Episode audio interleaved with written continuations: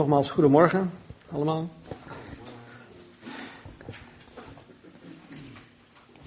Het is jullie vast niet ontgaan dat ik vorige week uh, hier niet was. Dank aan Bert en aan ieder die uh, de gemeente draaiend heeft gehouden. Niet dat het van mij afhangt hoor, maar toch leuk om uh, gewoon een weekendje ertussenuit te kunnen gaan. Dus bij deze ons dank. Marnie en ik hebben een geweldige tijd gehad. Op Terschelling voor het eerst naar uh, de Waddeneilanden. En uh, ja, het was gewoon mooi. Het was rustig en dat was ook ons doel om een beetje tot rust te kunnen komen. En dat heeft God ons uh, gegund. Ja, en jullie ook, dus bij deze bedankt. Um, even kijken, twee weken geleden alweer was ik begonnen met het gedeelte in 1 Korinthe 11. Dat gaat over de problemen rondom hun liefdemaaltijden in Korinthe. Hun, hun potlucks, hun American parties, zoals, we dat noemen. Waar mensen eten meebrengen om het te delen met elkaar. Het enige wat een, een, een gewone potluck dan onderscheidt van hun, zo'n liefdemaaltijd is dat er tijdens of aan het eind van de liefdemaaltijd zij ook heilig avondmaal met elkaar vieren. En uh, nou, dat was hun liefdemaaltijd. Maar er waren problemen. Er waren problemen rondom hun liefdemaaltijd, het heilig avondmaal. En ik had het hoofdstuk vorige week of vorige keer niet af kunnen maken. Maar dat lukt me vanmorgen dus wel. Vorige keer begonnen wij met iets uit het Johannes-evangelie, Johannes hoofdstuk 13. Waarin Jezus in zijn afscheidsspeech aan zijn discipelen een gebod geeft. Hij zegt, ik geef jullie een nieuw gebod. En het gebod dat hij gaf, is om elkaar onvoorwaardelijk lief te hebben. Onvoorwaardelijk lief te hebben. Hij zegt niet, ik wil dat je, on, dat je elkaar onvoorwaardelijk lief hebt. Maar hij zegt, het woord dat hij gebruikt is agape. En dat is in het Grieks een, een onvoorwaardelijke liefde. Dus hij zegt, heb, heb elkaar lief, zoals ik je lief heb gehad. Letterlijk staat er in Johannes 13, 34, 35 dit. Een nieuw gebod geef ik u. Namelijk dat u elkaar lief hebt. Zoals ik u lief gehad heb, moet u ook elkaar lief hebben. Hierdoor zullen allen inzien dat u mijn discipelen bent, als u liefde onder elkaar hebt. Weet je, er is geen enkele andere instantie of organisatie hier op aarde die haar leden de opdracht of het bevel of het bevel geeft om elkaar onvoorwaardelijk lief te hebben. Dit is nergens anders hier op deze planeet te vinden. Alleen onder de wedergeboren christenen. En, maar waarom, waarom, is, waarom zegt hij dit? Het is als het ware een laatste gebod. Hij weet dat hij in het komend uur gearresteerd zou gaan worden. Dit is een afscheidsspeech en hij zegt: Hé hey, jongens, nog even dit. Een nieuw gebod geef ik jullie. Heb elkaar lief. En ik geloof dat hij dit zegt, nogmaals, omdat dit nergens op deze aarde te vinden is. En als iets nergens anders te vinden is, dan onderscheidt het jou van de rest. Gods liefde is ook heilig. Het is anders dan de liefde die de mens kent. ik had het vorige keer ook al genoemd, MTV-liefde. Ja, wat is dat? Dat is lust. Dat is eros. Wij krijgen, dat is het, ook een woord liefde die, wij, die, wij, die in de Bijbel staat. Maar daar krijgen wij het woord erotiek vandaan. Eros, lust, lichamelijke drang en, noem maar op. Er is ook nog phileo, een vriendelijke liefde. De stad Philadelphia is daar daarna genaamd. En dat heet the, the, the, the city of brotherly love. Het is, phileo is, is wat, wat mensen in een natuurlijke, op het natuurlijk gebied voor elkaar hebben. Er is ook nog een andere vorm, dat heet storge, en dat is dan de liefde tussen vader en kind of ouder en kind. Maar al deze vormen zijn niet onvoorwaardelijk. Denk maar even na. Familieleden, vrienden, kennissen, die ooit, hebben die ooit tegen je hebben gezegd, of waarvan, hè, tegen een ander van, joh, ik, ik hou van je. Maar als er iets is gebeurd of als er iets is hè, gekomen wat die persoon niet aanstaat, als ze gekwetst zijn, dan zeggen ze, nou ja, eh, bekijken jullie het maar. Ik hou niet meer van je. Het is nu over. Hoeveel kinderen zijn, hebben geen ouders meer om die reden? Hoeveel ouders hebben geen kinderen meer? Zeg ik dat goed? Ja. want de ouders zeggen dan van, ik heb geen zoon meer. Jij bent dood voor mij. Dat is storge, dat is verleo, maar het is voorwaardelijk. Zolang je binnen mijn plaatje past, dan heb ik je lief. Een, een andere vorm van liefde, of, wat, wat hier ook binnen past, is, is eh, de wereldse liefde, phileo, storge en, en eros, dat is egoïstisch. Ik hou van jou. Ik heb jou nodig. Ik dit, maar het, het, het is altijd naar je eigen ik gericht. Terwijl agape, de liefde van Jezus Christus, de liefde van God, is niet egocentrisch, maar het is op andere mensen gericht. En dat onderscheidt de gemeente van Jezus Christus van alle andere groeperingen, verenigingen, instanties, noem maar op. In 1 Johannes, dezelfde schrijver, op 90-jarige leeftijd waarschijnlijk, zei dit. Hij, Johannes wordt trouwens de apostel der liefde genoemd. De apostle of love. Geliefde, laten wij elkaar lief hebben. Want de liefde is uit God. En ieder die lief heeft, is uit God, God geboren en kent God. Wie niet lief heeft, kent God niet, want God is liefde. Dus wil je weten van jezelf, maar ook van anderen, of die persoon of, of jijzelf echt een kind van God bent? Dat kan je toetsen aan, aan de liefde die je voor andere mensen hebt. Eh, in dezelfde brief van 1 Johannes zegt, zegt, zegt Johannes, uh, hoe kan je nou zeggen dat, dat je uh, je vader in de hemel, die je nooit eerder gezien hebt, je hebt hem lief, maar je haat je broeder? Ja, dat kan niet. En dus uh, die je wel gezien hebt. Dus het gaat om liefde. Daar draait alles om. En daarmee, of daaraan kunnen wij ons eigen hart, ons eigen christen zijn toetsen. Ben ik nou eigenlijk, ben ik nou daadwerkelijk een christen, ja of nee? En dat kan je toetsen aan hoe lief je je broeders en zusters hebt. Nou, de onvoorwaardelijke liefde,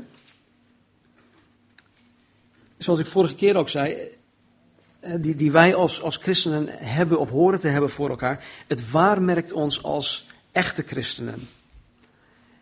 Ik denk dat ik vorige keer de, de, de, het voorbeeld heb, heb gebruikt van, um, van Microsoft, Windows. Zo'n authenticiteitscertificaat op een CD-ROM. Als je zo'n certificaat hebt, where it says, you know, Certificate of Authenticity, nou dan weet je, dit is een legitiem, uh, legitieme versie van Microsoft, het is van hun afkomstig, het is geen bootleg versie, noem maar op. Het is echt. Nou, de liefde die wij uitdragen, die wij stralen, die wij met elkaar delen, dat maakt ons echte christenen. Het is mijn voortdurend gebed voor een ieder van jullie, voor mezelf ook. En het is mijn verlangen dat wij als gemeente steeds meer en meer van elkaar gaan houden zoals Jezus Christus van ons houdt.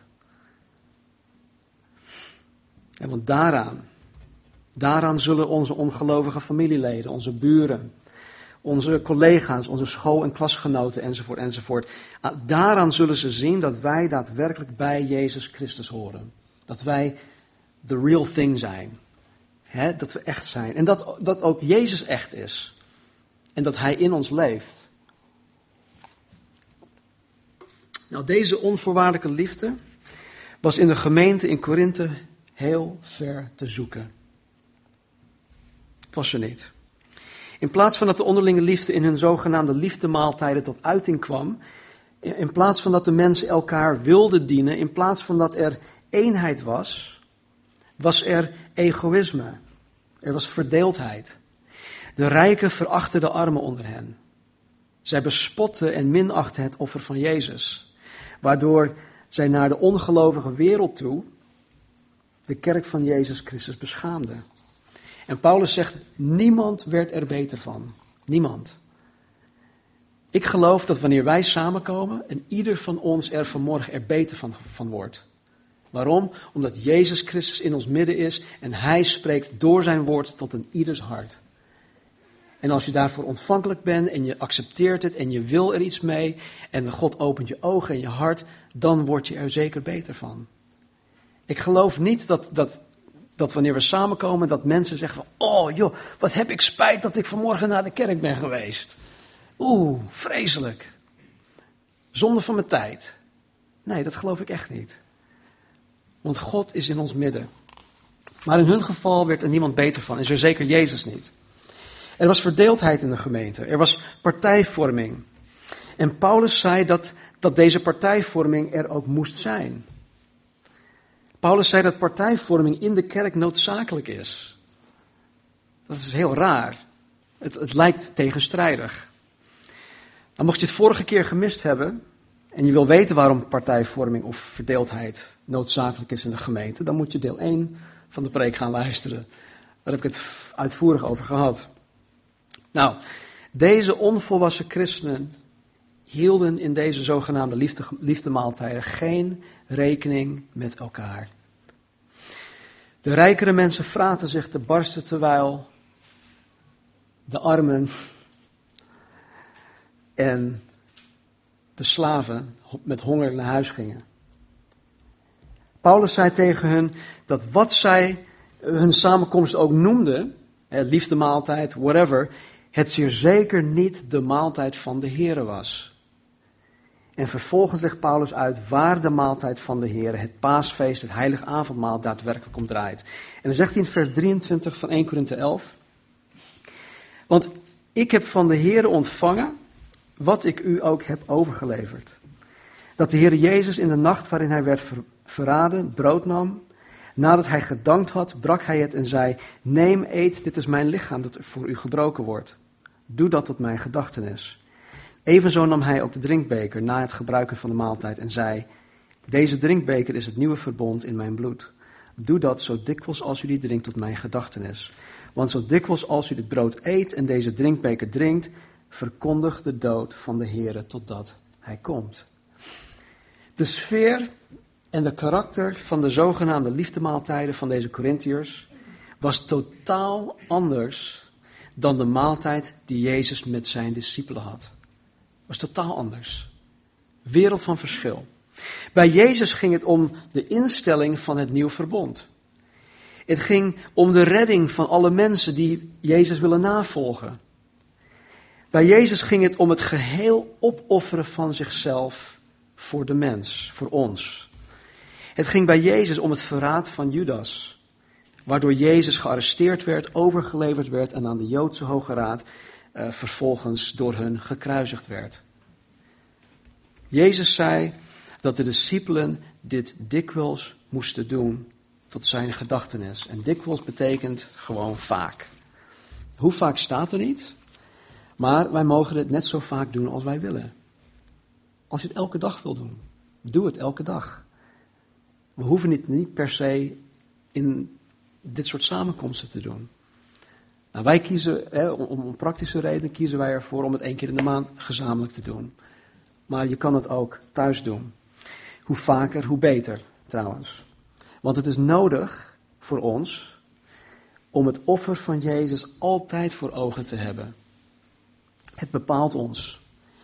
En omdat wanneer wij uh, het heilig avondmaal uh, nuttigen, wij, schoon schip maken met God, heeft het, het, het nemen van het heilige avondmaal een zuiverend effect op de gemeente. Dus nogmaals, hoe vaker, hoe beter. Nou, we pakken het vanmorgen op in uh, vers 27 van 1 Korinthe 11. Dus mocht je je Bijbels meegenomen hebben, lees mee. Vers 27. Daarom, zegt Paulus, wie op onwaardige wijze dit brood eet of de drinkbeker van de Heer drinkt, is schuldig aan het lichaam en bloed van de Heere. De Corinthiërs nuttigden het heilig avondmaal op een onwaardige wijze, omdat zij onder andere egocentrisch, egoïstisch en hoogmoedig waren. Er was geen sprake van onvoorwaardelijke liefde voor elkaar hè, bij het nuttigen van het heilige avondmaal. Ze hielden geen rekening met de armen onder hen, met de slaven onder hen.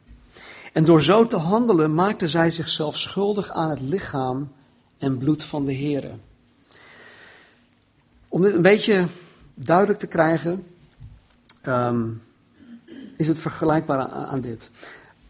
Als ik vandaag de Nederlandse vlag pak, het op de grond leg, en als ik erop ga staan en, en ik begin erop te stampen, dan onteer ik niet een stukje stof dat rood, wit en blauw is. Nee, ik onteer het land, de regering, het volk van Nederland waar de vlag voor staat. En zo is het eigenlijk ook met het onteren van het heilige avondmaal. Je onteert het brood en de wijn niet, of de, de, ritueel. Nee, je onteert Jezus Christus en zijn offer, die daarmee vertegenwoordigd wordt. Wij, vandaag de dag, kunnen het heilige avondmaal ook op een, onwaardig, ah, op een onwaardige wijze nuttigen. Het is voor ons ook mogelijk. Als ik mijn broers of zussen minacht, of als ik verbitterd ben jegens een broer of zus, en niet de moeite neemt om die persoon lief te hebben. Onvoorwaardelijke liefde is trouwens, het, het is proactief. Het is niet passief. En proactief betekent dat je er achteraan gaat. Je doet iets. Het is handelen. Het is actief. Dus als ik uh, verbitterd ben jegens een broer of zus en ik laat het maar zo en ik zeg, joh, bekijk het maar, zoek het maar uit en het heilig avondmaal nuttig, dan doe ik dat ook op een onwaardige wijze. Als ik deelneem aan het heilig avondmaal, zonder dat ik een diepe waardering heb voor het offer van Jezus, of als ik geen liefde koester voor, voor jullie, hè, Gods kinderen, dan kom ik op een onwaardige wijze tot de tafel van de Heer. Dus er zijn verschillende manieren hoe wij ook onwaardig tot de tafel van de Heer kunnen komen. Nou, wat ik er wel bij moet zeggen, is dit. Sommige mensen doen niet mee aan het heilige avondmaal omdat ze zichzelf niet waardig achten. Heb je dat ooit gevoeld? Dat je, dat je, ja, je, je, zit niet lekker in je vel en je voelt je schuldig. Je hebt een rotweek gehad en dan wordt de heilig avondmaal geserveerd. En ik vind, nee, nee, nee, ik, ik, ik voel me zo bla, ik, ik, ik voel me niet waardig. Vaak is het zo dat mensen zich schuldig voelen omdat ze gezondigd hebben. of dat ze worstelen met een bepaalde zonde, een hardnekkige zonde in hun leven, waar ze maar niet van afkomen waardoor ze zich dan niet waardig voelen om deel te nemen aan het heilige avondmaal. Maar weet je, daar gaat het niet om. Daar gaat het echt niet om, want geen enkel mens is in die zin waardig. Ik kan me niet waardig maken om heilig avondmaal te nuttigen. Wij zijn allemaal stuk voor stuk zondaars, die alleen door Gods genade en zijn liefde gered zijn. Nou, waar het wel om gaat, denk ik, is, is de juiste instelling, je hartsgesteldheid tegenover het heilige avondmaal. Het heeft dus niet te maken met zondeloosheid. En het is juist de zondaar die het werk, sorry,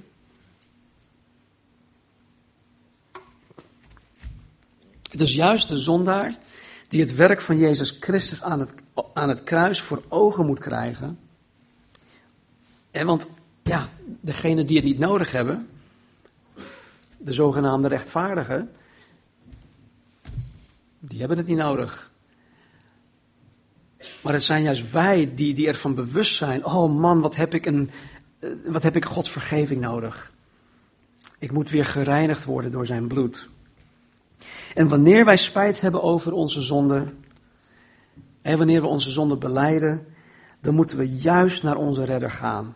We moeten juist niet bij hem wegblijven. De duivel wil juist dat wij bij hem wegblijven, want hij, hij fluistert dingen in je oren. Hij zegt, hey, je hebt het zo vaak verknald. Denk je nou echt dat God je gaat vergeven deze keer? Volgens mij is God nu klaar met je. Maar het is juist op zulke momenten dat God voor je staat met armen open en zegt: Kom tot mij. Daarvoor ben ik gestorven, daarvoor ben ik gekomen, daarvoor ben ik gekruisigd. Bij het heilige avondmaal gaat het erom dat je hart zuiver is. En een zuiver hart betekent gewoon dat je oprecht bent. Je wil heel graag. Ondanks je falen en je tekortkomingen. Als je zegt van Heer, het spijt me, is de Heer bij machten om je te vergeven. En hij wil het. In 1 Johannes staat ook dat het bloed van Jezus ons continu reinigt.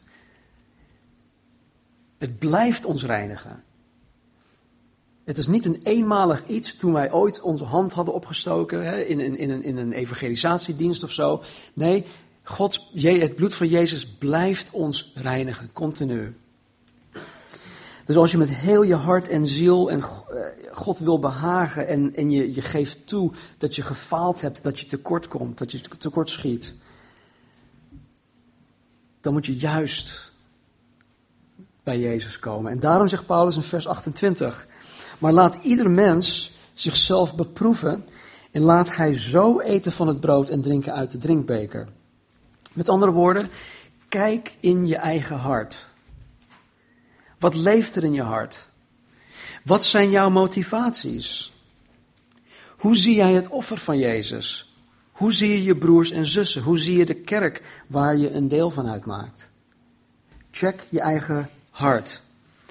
En met andere woorden, neem de tijd om jezelf te onderzoeken. En pas, en pas wanneer je hart in lijn is, ofwel in harmonie is met Gods hart, moet je de tafel van de Heer benaderen en het heilige avondmaal tot je nemen. De tafel van de Heer is een hele bijzondere plaats waar de kerk zich ook zuivert. Want als je nagaat dat je met een rein hart en met zuivere gedachten tot de tafel komt, als jullie op zo'n moment dingen moeten opruimen tussen jou en God, dan ga je dat ook doen. Dus het heeft een zuiverend effect. En daarom zegt Jezus ook, kom dikwijls, doe dit heel vaak, want hij weet dat wij heel vaak zuivering nodig hebben. Als we in de wereld staan, dan lopen we allerlei dingen op.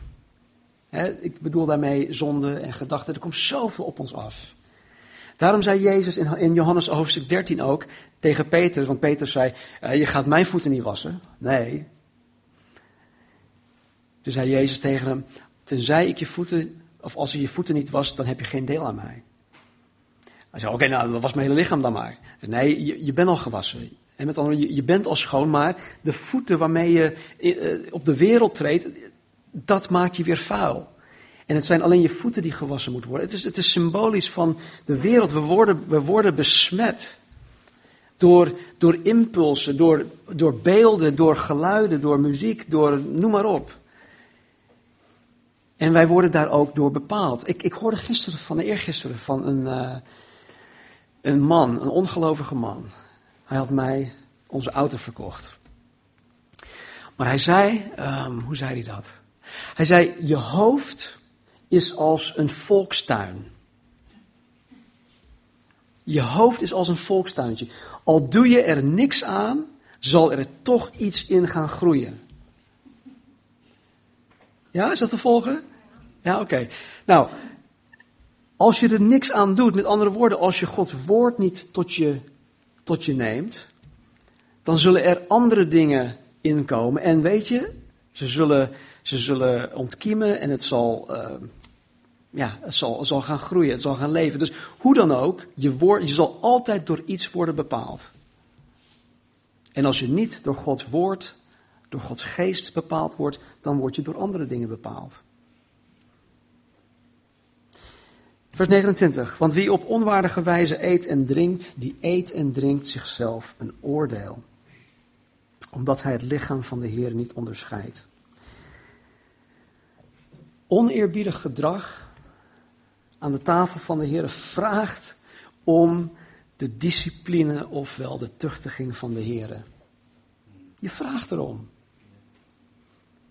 Daarom horen wij onszelf te onderzoeken, zodat wij niet onder het oordeel, ofwel de tuchtiging van God, komen te staan. Weet je, ik, ik heb ook katholieke vrienden. En die zeggen, oh God, die, die straft me. God straft me hiervoor. Of God. Alsof God paraat staat met een soort honkbalknuppel en hij, en hij wacht maar, nou, oh, de eerstvolgende keer, joh, als jij dit doet, nou, boem, dan, dat hij je zo wil straffen. Maar zo is God niet. Zo is God echt niet. Hij wil je niet straffen. Maar hij tuchtigt ons wel. ik zal zo meteen laten zien waarom. Het woord oordeel betekent hier niet dat God zijn kinderen veroordeelt. Ofwel dat de christen zijn of haar redding zal verliezen. Het oordeel dat iemand over zich heen haalt, is de corrigerende handeling van God. Het is niet zoals een rechter een, een, een, een crimineel veroordeelt, maar zoals een vader zijn kind corrigeert en opvoedt. Het heeft een opvoedende rol. En nogmaals, omdat hij of zij het lichaam van de Here niet onderscheidt. Met andere woorden, deze Corinthiërs maakten geen onderscheid tussen hun broeders en zusters, het lichaam hè, van Jezus Christus, en de wereld. Ik weet hoe ik in de wereld behandeld word. En zo horen wij elkaar niet te behandelen. En dat deden zij wel. Zij behandelden het lichaam van Jezus Christus, de kerk, net zoals de mensen de wereld elkaar, elkaar behandelden. Nogmaals, zonder onvoorwaardelijke liefde. Nou, het oordeel dat de Corinthiërs over zich heen haalden, zien wij in vers 30. Daarom zijn er onder u veel zwakke zieken en velen zijn ontslapen. Ik heb deze preek genoemd zwakke zieken en doden rondom het heilige avondmaal. Klinkt niet positief. Wie durft, wie durft nog? Maar in dit specifiek geval heeft hun liefdeloosheid, hun verachting van hun broeders en zusters, de gemeente waarvoor Jezus Christus gestorven is, en de oneerbiedige wijze van het benaderen van het heilig avondmaal tot Gods oordeel geleid. God heeft hun geoordeeld.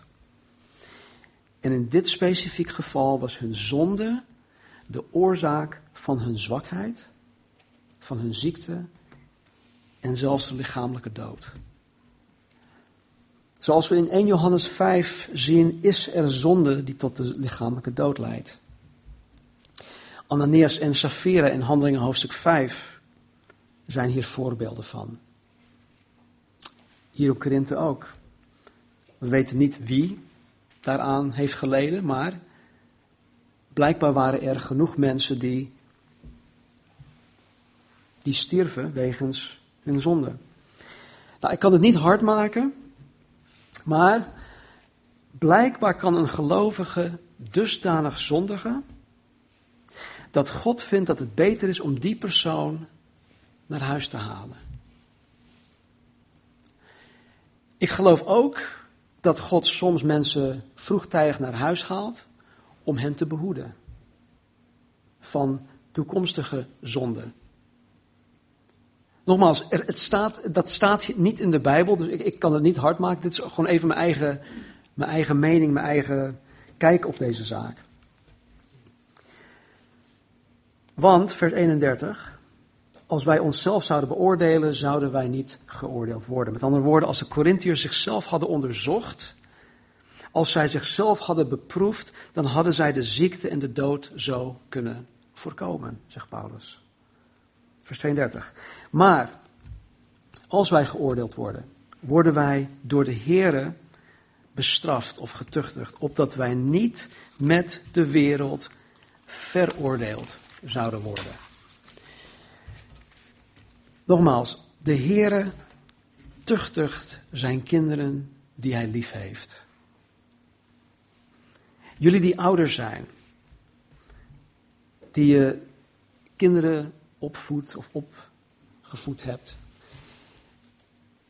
Je, wil, je hebt altijd het beste voor hè, je, je kinderen voor ogen. En af en toe hebben ze gewoon een pak rommel nodig.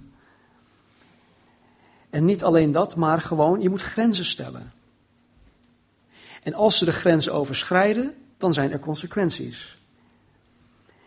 En wij als, als wereldse, als natuurlijke ouders doen dat voor onze kinderen om hun te beschermen, te behoeden van iets dat hun eventueel schade kan aanbrengen. Of zelfs de dood. En de Heere tuchtigt zijn kinderen die hij lief heeft. God voedt ons op en, en dat is de bedoeling van dit soort oordeel. Het opvoeden van zijn kinderen. Maar waarom doet God dit? Om mij, om ons, zijn kinderen, te behoeden van het oordeel dat komen zal. De Bijbel leert ons dat de mensheid die niets met Jezus Christus te maken wil hebben, uiteindelijk veroordeeld zal gaan worden. Deze veroordeling is geen tuchtiging, het is geen opvoedactie van God. Nee, het is een verwoesting van hun leven, van hun bestaan en alles waarop zij hun leven bouwen. En het komt eraan. Als je wil weten hoe Gods oordeel van alle ongelovige mensen eruit, eruit zal gaan zien, dan moet je het Bijbelboek Openbaring gaan lezen. Vanaf hoofdstuk 6. Afschuwelijk. En weet je, tot heden hebben we het altijd gehad over de eerste komst van Jezus. Jezus is gekomen om je te vergeven, om de mens weer te herenigen met God, om je te verzoenen. Maar ik denk dat als wij mensen willen gaan bereiken, dat wij het ook over zijn wederkomst moeten gaan hebben. Want de eerste komst van een Jezus 2000 jaar geleden, daar zijn mensen immuun voor geworden. En ik denk dat als wij, als wij Jezus gaan brengen, die op elk moment eigenlijk terug kan komen, dan zullen mensen dat misschien meer interessant gaan vinden. Nou, dit oordeel staat alle ongelovigen te wachten. Allen die er bewust voor hebben gekozen om geen volgeling van Jezus Christus te willen zijn. En tot wanneer heb jij de gelegenheid om wel volgeling te zijn? Tot op je laatste adem hier op aarde. Maar wie, wie van ons weet wanneer dat moment zal zijn? Ik kreeg gisteren weer nabericht van iemand die we in die kennen. Um, die vrouw die heeft um, longkanker, heeft nooit een sigaret in het leven gerookt. Geloof niet in Jezus. En deze, deze vorm van kanker, dat, dat ja, uh, ze kan niet worden geopereerd. Dus ze uh, bestrijden het met chemokuur en met andere dingen. Maar ik vrees dat, dat, haar, tijd, uh, ja, dat, dat haar tijd vrij kort zal zijn hier op aarde. Dus ik hoop en ik bid dat Marnie en ik ook de gelegenheid nog zullen krijgen om met haar te praten. Om haar te dienen, om haar de liefde van Jezus Christus te laten zien. Om haar te vertellen over dit oordeel die komen gaat. Maar God zal mij, zal jullie, zal ons die nu voor Jezus Christus hebben gekozen, daarvan behouden. God zal ons niet samen met de onrechtvaardigen gaan straffen. En vandaar dat Hij ons tuchtigt. Vers 33. Daarom, mijn broeders, als u samenkomt om te eten, wacht op elkaar. Maar als iemand honger heeft, laat hij thuis eten, opdat u niet tot een oordeel samenkomt. Wat betreft de overige zaken zal ik opdracht geven wanneer ik kom. Dat is heel praktisch advies van Paulus. Mensen, wanneer je samenkomt om te eten, wacht totdat iedereen er is voordat je begint. En als iemand dusdanig honger heeft, als je je niet kan beheersen, eet dan eerst iets thuis voordat je komt. Heel praktisch. Nou, er waren blijkbaar nog meer zaken die op orde gesteld moesten worden, maar Paulus koos ervoor om deze dingen face-to-face -face met hun te bespreken. Nou, tot slot. Wat heeft dit voor mij te betekenen? En wat voor lessen kunnen wij hieruit halen? Ik heb mezelf onderzocht dit weekend in mijn voorbereiding. En ik ben voor mezelf tot, tot deze conclusie gekomen. Ik geloof dat ik als christen de hoogste prioriteit moet geven of gaan geven aan het groeien in de liefde voor God en voor elkaar, voor jullie. Ik denk dat ik dat moet doen. Ik denk dat wij de hoogste prioriteit moeten gaan geven aan het groeien in de liefde voor God en voor elkaar. De geschiedenis leert ons dat de apostel Johannes, de apostel der liefde, op zeer hoge leeftijd de kerk in Efeze toesprak. Ik heb dit wel eens met de jongeren gedeeld. Johannes, op zeer hoge leeftijd, boven de 90, werd elke zondag in Efeze, in de gemeente, naar de preekstoel toegeleid. Hij werd ondersteund. Hij nam daar plaats op zijn preekstoel, zat daar en hij zei: Mijn kinderen, heb elkaar lief. enige wat hij zei. Na dit gezegd te hebben stond hij langzaam op en hij nam weer plaats in de zaal. Elke zondag deed hij dit. En op een gegeven moment dachten de mensen van, nou, ik dacht dat dit de grote apostel Johannes was, die, die uh, Jezus persoonlijk heeft gezien, die drie jaar lang met Jezus heeft opgetrokken. Is hij aan het dementeren? Is dit alles wat hij weet? Elke zondag deed hij dit. En op een gegeven moment vroeg iemand aan hem, apostel Johannes, waarom zeg je altijd hetzelfde? Mijn kinderen hebben elkaar lief. Toen zei hij dit, hij gaf uitleg. Hij zei, als Gods kinderen, als de navolgers van Jezus Christus alleen dit zouden doen, dan is het genoeg. Elkaar onvoorwaardelijk liefhebben, dan is het genoeg. Ten tweede, als laatste, geloof ik ook dat, dat wij als christenen onszelf continu moeten onderzoeken en beoordelen. Niet anderen, maar onszelf. Continu moeten onderzoeken en beoordelen.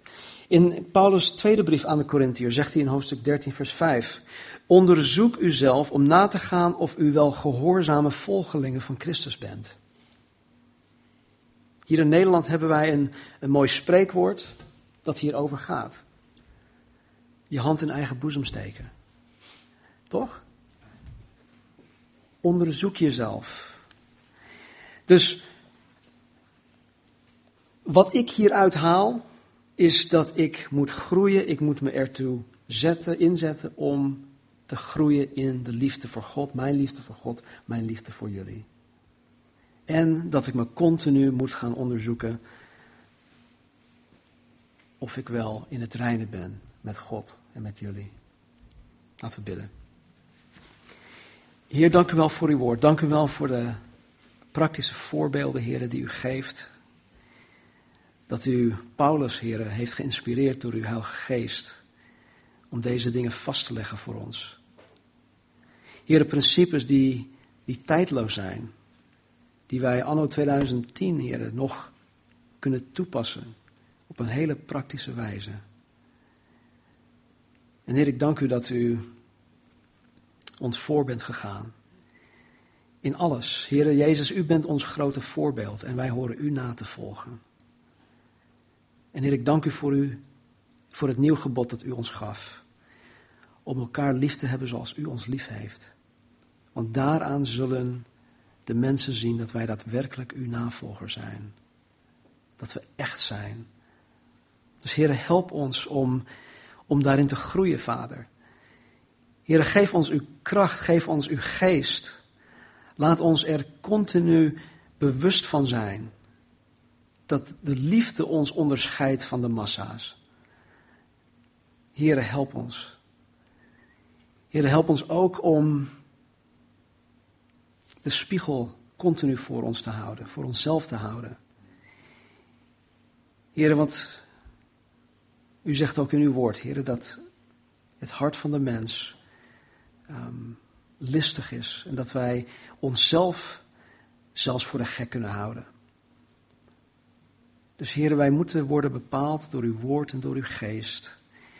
En Heer, in het licht van uw woord, in het licht van uw geest, Heer, willen wij onszelf onderzoeken.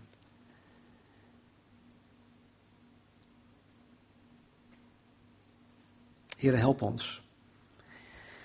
En Heer, als er iemand is die vanmorgen ja, in het reinen moet komen, doe dat alsjeblieft. Doe dat, het is tussen jou en God. Niemand anders hoeft het te weten. Als je iets hebt tegen een broer of zus en het zit je dwars, beleid het, beleid het aan God. En als je het nodig acht om die andere persoon daar ook op aan te spreken of over te, te vertellen of mee te delen, doe dat. Er zal een hele last van je af, afvallen. Je doet jezelf tekort wanneer je um, ja, verbitterdheid of dat soort dingen koestert. Dus Heer, help ons. We hebben u zo hard nodig. En Heer, zegenen ieder. Heer, ook de week die voor ons ligt. Help in ieder van ons, Heer, om getuige te zijn. Heer, om uw liefde uit te dragen. Heer, om te groeien in de kennis van wie u bent. Om te groeien in genade. Heer, om zelfs de, om vooral de mensen, Heer, die ons irriteren, lief te hebben. De mensen die het bloed vanuit onder onze nagels weten te halen, Heer, dat we hun lief hebben. Help ons daarbij. Want Heer, dat zal ons onderscheiden van de wereld. Dat maakt ons heilig. Dat maakt ons anders. Dank u wel, Vader. Dank u wel voor uw liefde. Dank u wel voor uw trouw. Dank u wel voor uw woord, uw geest. En dat u ons vanmorgen weer heeft doen veranderen. Dat u ons denken heeft doen veranderen. Dank u wel. In Jezus' naam. Amen. Laten we gaan staan.